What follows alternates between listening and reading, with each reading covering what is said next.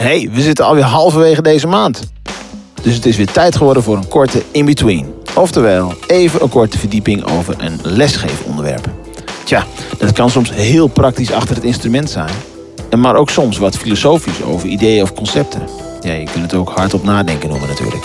Maar het is vooral bedoeld om even te prikkelen, een beetje te kietelen of te inspireren. Laat je ons even weten wat je ervan vindt. Dat kan via overmuziekles.gmail.com. Dankjewel voor het luisteren alvast en veel plezier. Dag! De podcast met Joost en Dirk-Jan. Hey, Joost hier. Ik heb een super tof interview met Tom Eriks gedaan. ehm, over de parallel tussen slagwerkgroepen en orkesten en zijn wereld van de koren. Eh, maar het werd een heel lang gesprek. Dus ik heb hem in twee stukken geknipt. Dus bij deze horen jullie de eerste. De podcast met Joost en Dirk-Jan. Ja, daar zijn we dan. Want eh, we doen vandaag een interview. Een interview met, eh, met Tom Eriks. We hebben ooit, eh, toen in de tijd dat we nog mochten muziek maken op een podium, stel je voor, ze hadden nog teruggekomen mensen, maar hebben we samen op het podium gestaan. En nou ja, dan klets je wat in, blijft ergens op een of andere manier in elkaars hoofden hangen.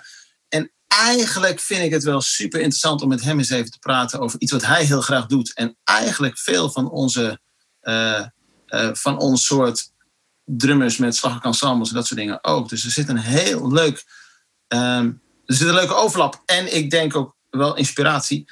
Ehm, en Tom is eh, dirigent voor koren. Hij heeft daar een heel mooi motto voor. Eh, ik zal het op mijn beste Engels uitspreken. I love music, I love people. And combining those two as a performer, conductor and teacher is what I love to do. En ik denk dat heel veel van de luisteraars zich daar wel in herkennen. Want, nou ja, heel plat gezegd, samen muziek maken is eigenlijk altijd mooier als in je eentje, zou ik zeggen.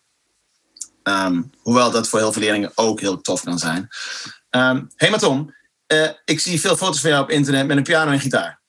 Eh, ben, je, ben, je nou, Ja. ben, je, ben je dan typisch zo'n, zo, of nee, niet typisch zo'n, maar ben je iemand die het gewoon heel tof vindt om op heel veel verschillende ma- manieren muziek te maken? Begrijp ik dan die foto goed? Ja, ik, eh, ik kon nooit zo goed kiezen. En ook in de muziek niet. Dus eh, ik ben begonnen met piano. En eh, ik eh, kom uit Voorburg, vlakbij het strand. En ja, de piano meenemen naar het strand, Ah, dat kijk. is best een uitdaging. En ik wilde natuurlijk een beetje showen met de muziek die ik kon maken. Dus dat wilde ik graag meenemen ook. En aan de, aan de leuke meisjes eh, toen ik Ja, puber was laten horen. Dus, Oh, dus je hebt ook echt, dat, dus je hebt ook je hele jeugd al veel gezongen. Het, het gebruik van je stem is dus ook iets heel, heel vanzelfsprekends voor jou. Nou, ik was zeg maar, dat was zo die romantisch, hè, 16, 17, als je die leeftijd bent, dan ben je heel veel daarmee bezig.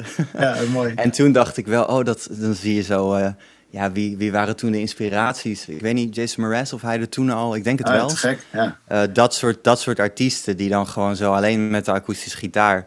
En John Mayer, die eh, leerde ik toen ook eh, net een beetje. Dus zo rond mijn 16e, 18e, ergens daar ben ik meer gitaar gaan spelen en meer me daarop gaan focussen. En ik zei altijd dat ik niet kon zingen, zoals heel veel mensen dat zeggen.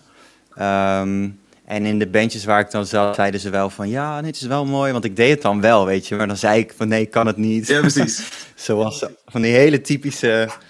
Dat zie ik nu dus bij al mijn leerlingen ook terug. Ja, dat zal wel, ja. Gewoon Dat ons- ze het wel doen ja, ze en, niet het wel leuk, laten. maar ja, en heel bescheiden zijn om te zeggen van ik kan goed zingen. Want natuurlijk, dat ja, zijn we in Nederland niet gewend om te zeggen van ik kan iets heel goed. Precies, precies. En dat heeft ook denk ik wel met idols en zo te maken. Dat het toch het idee is dat, dat je fantastisch moet kunnen zingen en dat je anders eh, meteen wordt afgestraft. Ehm, weet ik niet hoor, maar dat is het idee wat ik Ja, daarover dat zou best kunnen, ja. Ja, Eh. dus, eh, dus dat. En, en dus ik ben altijd ook verschillende stijlen. Ik, ik ben, en soms heb ik me ook wel aan mezelf geërgerd daarin. Van ga nou eens ergens in verdiepen. En ga nou eens juist helemaal diep die piano in. Of helemaal diep die, wat dan ook in, die, die muziekstijl. Maar dat is niet de type muzikant wie ik nu ben. En inmiddels kan ik dat wel omarmen. Dat denk ik Eh, ook, ja. Ja, want er zitten ook hele mooie kanten aan. En eh, zeker als koordirigent is dat ook heel mooi namelijk. Want ja, de koren kunnen allerlei stukken willen zingen. En dan is het mooi dat je daar ook kaas van gegeten hebt. Ja, absoluut. Ja. ja en het is, jij vindt natuurlijk, eh, wat nu al een beetje door, doorcijpelt, is dat jij eh, voor koren staat. Ehm, Maar eigenlijk wat je net zei over ehm, niet van jezelf durven zeggen dat je goed kan zingen, dat is denk ik ook wel heel tof. Misschien wel de kern waardoor het juist heel gaaf is om in koren te zitten. Als in het koorlid, zeg maar. Gewoon ehm, lekker met z'n allen zingen. Ja, En, en, ja, dat- en niet in je eentje erbovenuit knallen, maar gewoon lekker in de, in de massa een beetje, beetje, Ja. een beetje wegzakken eigenlijk. Ja, dat voel ik heel erg. Dat klopt, dat klopt voor mij ook helemaal wat je zegt. Want heel veel mensen die bij het koor komen zingen, die, ja, die durven niet alleen. Die zeggen dat dan ook tegen mij. En ze moeten bij mij allemaal een heel korte stemtest doen, zodat ik weet in welke stemgroep ze zitten. Oh ja, en dat ik ze ook een beetje leer kennen. En er zit ook wel een niveaucheck in. Uh, maar het is een heel lage instap hoor, bij, bij onze koren. Tenminste, ik heb nu inmiddels de niveaus van de twee koren uit elkaar gehaald. Omdat sommige mensen toch meer uitdaging wilden en Oh, ja. meer ervaring hebben. Um, maar dat, dan merk je dus hoe spannend mensen het vinden. Dat, dat moment vinden ze heel spannend. Dat ze dan even alleen Even alleen. Ja. met, met mij even moeten gaan zingen. En uh, dan moet ik ze echt wel even ondersteunen. Um, want ja, dat zijn mensen die het juist mooi vinden. Die vinden zingen heerlijk. Maar in hun eentje is het zodanig spannend Mhm. mm -hmm. dat ze het in hun eentje niet doen. En, en ik denk dat dat een van de dingen is waarom koren zo populair zijn. Er zijn meer mensen in Nederland lid van een koor dan van een voetbalvereniging. Oh, echt waar? Dat wist ik niet. Ja. Ik, vind het, ik vind het zo interessant, deze, deze focus op het samenzingen. Um, als ik kijk naar de drumopleidingen binnen de meeste slaggroepen, orkesten, dan jong, heel, heel plat gezegd, een jongetje van acht begint aan drumles in zijn eentje. En eigenlijk het hele parcours wat hij aflegt is gericht op in zijn eentje drummen. Terwijl het heel mooi is, want ik stel mij voor dat veel koorleden niet op zangles zitten misschien. Dat eigenlijk daar dus helemaal niet zo'n vanaf acht jaar een soort individueel traject zit. Om uiteindelijk in de groep te zitten, of te verdwijnen, kun je het heel lelijk zeggen. Um, maar het is een ja, hele andere route. Ja. Dat is eigenlijk best wel interessant.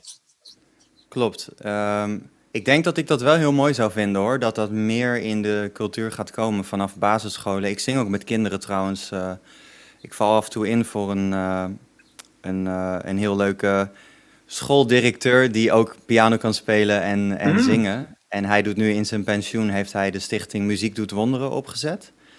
En hij zingt vanuit die stichting met basisschoolkinderen en ook met ouderen met dementie. En uh, uh, dat is ook heel mooi om, om te doen. Um, en ik, ik zou het wel echt fantastisch vinden als er meer muziek in de scholen al wordt gebracht. En met muziek bedoel ik dan ook uh, Move and Groove. Uh, wat ik vanuit vocal leadership heb meegemaakt. Dat mm -hmm. is, lijkt me fantastisch voor kinderen om, om ze. Weet je, kinderen worden heel snel al op viool gezet of op een ander instrument. En dat is voor een kind, zeker in deze tijd, waarin er zoveel prikkels en zoveel dingen zijn. Een instrument leren is gewoon niet niks qua tijd die je erin moet steken. En ik denk dat kinderen uh, gewoon samen moeten gaan bewegen en zingen. En uh, dat bewegen kun je dan met meerdere ritmes in het lichaam of klappen. Uh, en dat in combinatie met zingen. En dan merk je vanzelf wel welke kinderen meer, meer willen. willen. Ja, precies. Ja, Juist. en op die manier kun je natuurlijk heel leuk, als, als zoiets in een school gewoon is, dan is er ook geen schroom vanaf de leerlingkant. En ook geen schroom vanaf de docentkant. Want die kan het, van spreken, tussen de taal en de rekenles even doen om die hoofden leeg te krijgen. Je kunt het super flexibel gaan gebruiken natuurlijk. Dat, ja, zo heb ik er nog niet eens over nagedacht, maar dat klopt helemaal. Dat is, dat is, ja, dat, ik word heel blij van wat je nu zegt. Ik krijg ja, energie van dat idee, hoe, hoe waardevol dat kan zijn. Want ja, om kinderen weer erbij te krijgen, of even uit het hoofd, of uit een, uit een bepaalde spanning van, weet ik veel, als er een ruzie is geweest, ja. om, dan weer even, om dan weer even muziek toe te passen. Super interessant. Dat, jullie jullie net al even vocal leadership uh, vallen met een hele toolbox erbij. Daar komen zometeen denk ik nog wel meer op. Uh, maar ik wil even weer, weer terug naar, uh, naar het koor. Um, want ik kan me ook voorstellen, en dat is eigenlijk ook een vraag die ik heb vanuit slagwerkgroepen. Um, stel je zit twee of drie jaar bij een koor. Um,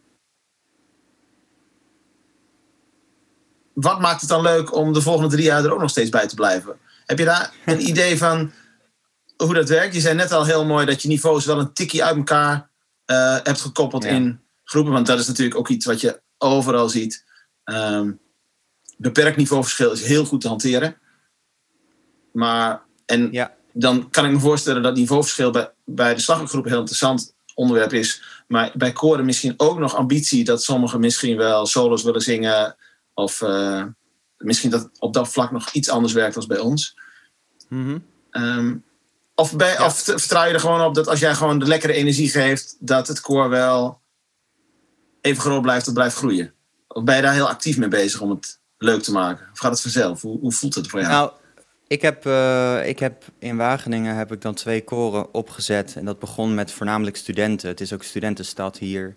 En inmiddels eh, zitten daar ook wel eh, dertigers en begin veertigers in.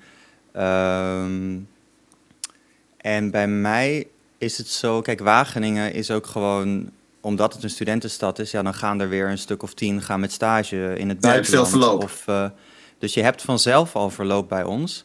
Dus wij, wij weten dat als vereniging dat, we, eh, dat er ook wel weer ieder jaar weer veel nieuwe mensen komen. Ehm, en dat, dat creëert wel een, eh, een andere vorm van dirigeren en van met je koor en je vereniging omgaan. Want eh, omdat er steeds verloop is, ehm, kun je bijvoorbeeld ja, steeds weer. Kijk, wij moeten eigenlijk steeds weer nieuw repertoire doen. Want eh, als we oud repertoire nog een keer gaan repeteren met nieuwe mensen. dan moet je opnieuw beginnen. Ja, dan, nou ja, dat vinden de anderen dan, want die kenden dat al. En Ja, dan moet ik oh dat opnieuw gaan aanleren. Dus eh, dat vraagt meer van de dirigent om ieder, ieder project zijn gewoon weer allemaal nieuwe stukken. En terwijl als jij bij een ander koordirigent bent, dan gaat dat veel trager, dat nieuwe repertoire, zeg maar. Dus, dus wij hebben best wel een actieve repertoirecommissie samen met mij. ehm, waarin ik dus ook zelf arrangeer voor, voor de koren. Eh, daar is inmiddels ook budget voor vanuit de vereniging. Dus het is echt Superleuk. fantastisch dat er, nu, dat er nu een bestuur is en een, en een vereniging. Want eerst heb ik, moest ik het allemaal zelf opzetten en dragen, zeg maar. Dus is, dat de, is dat de vraag een beetje beantwoord of niet? Ja, tikje wel. Want ik kan me ook voorstellen dat door dat verloop, ook vanuit sociaal perspectief, er eigenlijk altijd wel vernieuwing in je koor zit en iets te beleven valt. Of nieuwe mensen die je leert kennen. Ehm, dus, Hm. dus eigenlijk is, heb je me heel mooi beantwoord met dat je relatief vaak nieuw repertoire hebt. En dus ook nieuwe koorleden. Wat natuurlijk, als je over drie jaar het koor ziet, vergelijkt met nu, dan zit je bijna in een andere koor, ander koor. Wat, Ja. wat niet gauw saai wordt. Dat is zo, dat is zo. Dus, en ik denk dus bij ons blijft het leuk omdat wij steeds vernieuwen qua repertoire. En eh, bij andere koren zal het denk ik, ehm, ja, dan zul je af en toe een workshop van iemand anders kunnen, van een andere dirigent, even eenmalig. Of je kan eh, iemand laten komen die met, eh, met body percussion of zo Ja, iets leuks met het koor die- komt doen. Precies, je zoekt naar nieuwe prikkels en dat soort dingen. Dat soort dingen. En, en ik denk ook dat koren die wat ouder zijn en zo, dat zijn vaak ook gewoon hele hechte vriendengroepen die. Ja, je hebt ook koren die vinden het helemaal niet zo belangrijk om, om vooruit te gaan en te ontwikkelen en te leren. Die willen gewoon lekker samen zingen en het leuk hebben met elkaar. Ehm, ja, dus het hangt maar net van Ja, het koor snap ik. af, denk ik ook. Ja, snap ik. Ehm hebben jullie dan ook een repertoire met heel veel verschillende stijlen? Of zijn die echt wel in de pop of in de een specifiek klassieke hoek? Geen klassiek. Eh, dat vind ik op zich heel mooi. Alleen heb ik zelf bijvoorbeeld ook eh, minder eh, klassieke zangkennis. Dus Ah, ehm, af en toe raakt het een beetje de klassieke kant. Maar over het algemeen is het wereldmuziek, pop. En omdat ik zelf heel erg van de funk en van de jazz ben, zijn er altijd wel hele groovy Oh rit- ritmische dingen. Ehm, ja, dat, dat is gewoon echt een beetje mijn, mijn ding. Ja, en als je zelf die arrangementen ja. maakt, heb je natuurlijk super veel vrijheid.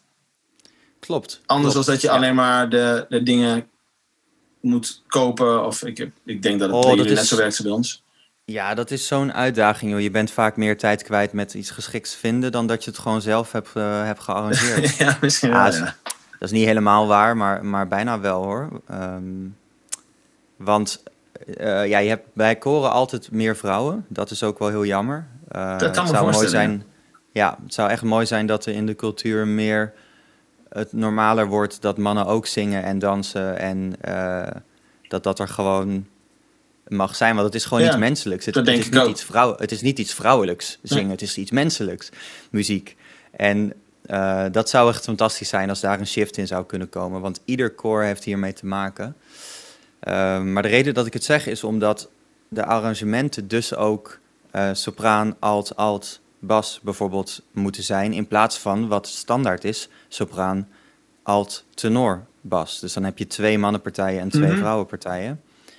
En nu schrijf ik dus vaak eh, drie vrouwenpartijen en Ja, één precies. mannenpartij, zeg maar. Omdat dat in de verhouding gewoon meer klopt. Beter werkt, ja. Ja. Anders heb je op een repetitie, eh, als een van de bassen er niet is... en je hebt de mannen ook nog... en, En je hebt de mannen, weg. Ja, precies. en je hebt de mannen ook nog gesplitst in bassen en tenoren... dan heb je nog maar één bas over Ja, op de repetitie. Dat wer- werkt niet. Ja, dat werkt niet. Nee. Hey, maar dan heb je dus een, eh, een, een repertoire wat, wat heel mooi van links naar rechts vliegt eigenlijk. Wat volgens, mij- volgens mij als koorlid is dat sowieso al heel leuk. Want elke repetitieavond wordt er heel leuk door. En is dat eigenlijk ook jullie formule voor, ik noem maar iets, een voorjaarsconcert? Dat je eigenlijk gewoon een concert maakt met van alles erin? Of Ja. heb je er dan ook Ja. nog echt een thema tussen al die liedjes? We hebben echt een thema. Eh, ja, toen we begonnen waren we al blij dat we gewoon... Ja. gingen we gewoon beginnen. Ja, Dat je een paar liedjes begin elkaar kunt zetten. Precies, dan begin je en dan ga je repeteren en dan denk je, goh, we kunnen dit nu, laten we een optreden eh, plannen. precies. maar ah, toen het eenmaal een vereniging was, ging het andersom. En dan, dan plan je zeg maar de periode al in met een optreden aan het eind van de periode. En, dan, en samen met de repertoirecommissie eh, kijken we dan naar een thema. Eh, en daar mogen ook koorleden mogen ook input geven. En dan, nou, dan ontstaat er een thema. En dan gaan we op zoek naar nummers die passen in dat, eh, in dat thema. En ik moet zeggen, dat is wel veel leuker dan als het gewoon los... Dat kan me voorstellen. eh, Dan wordt het meer een, ja. een, een productiegevoel in plaats van Ja. een rij met liedjes. Ja, klopt. Hey, en ben je, ben je dan, ben je dan een, eh, een dirigent die op zo'n voorjaarsconcert, of wat voor concert dan ook, eh, alles heel, heel stipt aangeeft? Of, of is het dan, eh, ben je meer een dirigent die eigenlijk als een soort big band dirigent ervoor staat en af en toe even zegt, eh, nu jullie daar en nu jullie daar. En dat het eigenlijk het koor vrij autonoom zingt. Ja, dat is wel een mooie vraag. En dan, dan komt wel weer het linkje naar vocal leadership. Want ehm, een van de vragen die vaak wordt gesteld in vocal leadership is... Should rhythmic choirs be conducted? Ehm, ja, mo- moeten ritmische koren eh, wel ehm, gedirigeerd worden? Ja. En, en vaak kom je erachter dat eh, hoe minder je doet... en eh, hoe meer dan als jij één ding wel wil aangeven... dan zien ze je meteen op dat moment. Ja, dan heeft het Terwijl echt effect. als jij, de, als jij de hele tijd aan het zwaaien bent, voor eh, elke tel aan te geven. dan ben jij eigenlijk het koor aan het dragen. En ehm, ehm, ja, de- ik, dus ik doe dat. Kijk, ik speel ook, omdat ik pianist ben, ben ik als dirigent ook de, de pianist. Oké. dus ik hoef niet het eerst nog naar, de pian, naar een pianist te transformeren als het ware van zo wil ik het ongeveer hebben, omdat ik dat zelf al kan doen. Ja. En dus ik zit, bij sommige nummers zit ik achter de piano. En dan kan ik gewoon door middel van mijn pianospel kan ik ze, ben ik ze eigenlijk aan het dirigeren. Dus dan, dan help ik bijvoorbeeld een nootje die. Ja, bijvoorbeeld een nootje die de al te moeilijk vinden, die, die help ik dan mee. Ja, die- weet je wel? ja, ja. Ja, Die- mooi. die- dat, soort, dat soort dingen. Ehm, en de a cappella stukken die we doen, ehm, daar zal ik af en toe moeten gaan dirigeren. Want eh, soms ontkom je er niet aan dat het nodig is dat ik dingen aangeef. Ja, precies. Om, ze, om ze een bepaalde energie te geven dat ze ineens harder durven gaan door mijn vertrouwen voor die groep. Ja, precies. Alleen, want dat is één ding wat ze heel spannend vinden, hè? harder zingen met elkaar. Ehm, Wie gaat als eerste? Wie komt er bovenuit? Dat soort dingen. Precies, ja, dus dat moet je echt van, met vol vertrouwen naar ze kijken en, en hup, En gewoon, jongens, gaan. Ja. Ja, ehm, alleen, ja, ik heb dus, ik heb wel, eh, ik heb niet koordirectie gedaan op het conservatorium, ehm, maar ik heb wel eh, eerst eh, dirigent licht vocaal één jaar gestudeerd en daar krijg je ook wel slagtechniek. En daarna heb ik dus twee jaar vocal leadership gestudeerd, waar ik nu ook eh, de pianodocent ben ehm, op Codarts. En, dus ik heb wel slagtechniek gehad, maar ik... Je, Omdat ik zo- gebruikte niet uit de hele avond. Nee, dat wou ik zeggen inderdaad. twee, drie, Ja. vier. Hey.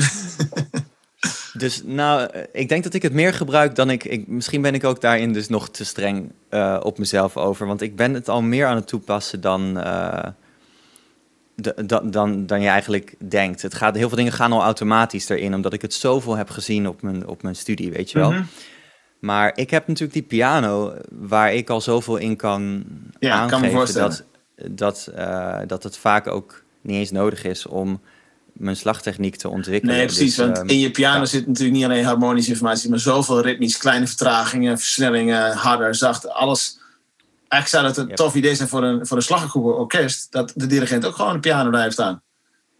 Dat is heel ongebruikelijk, kan ik me voorstellen. Maar hoe tof zou dat zijn? Gelijk een extra klank aan je ensemble. Ja, ja zoiets, zoiets Idee. zou zomaar kunnen. Hé, hey, maar dat vocalische hebben ze nu voor de tweede keer gewoon. De podcast met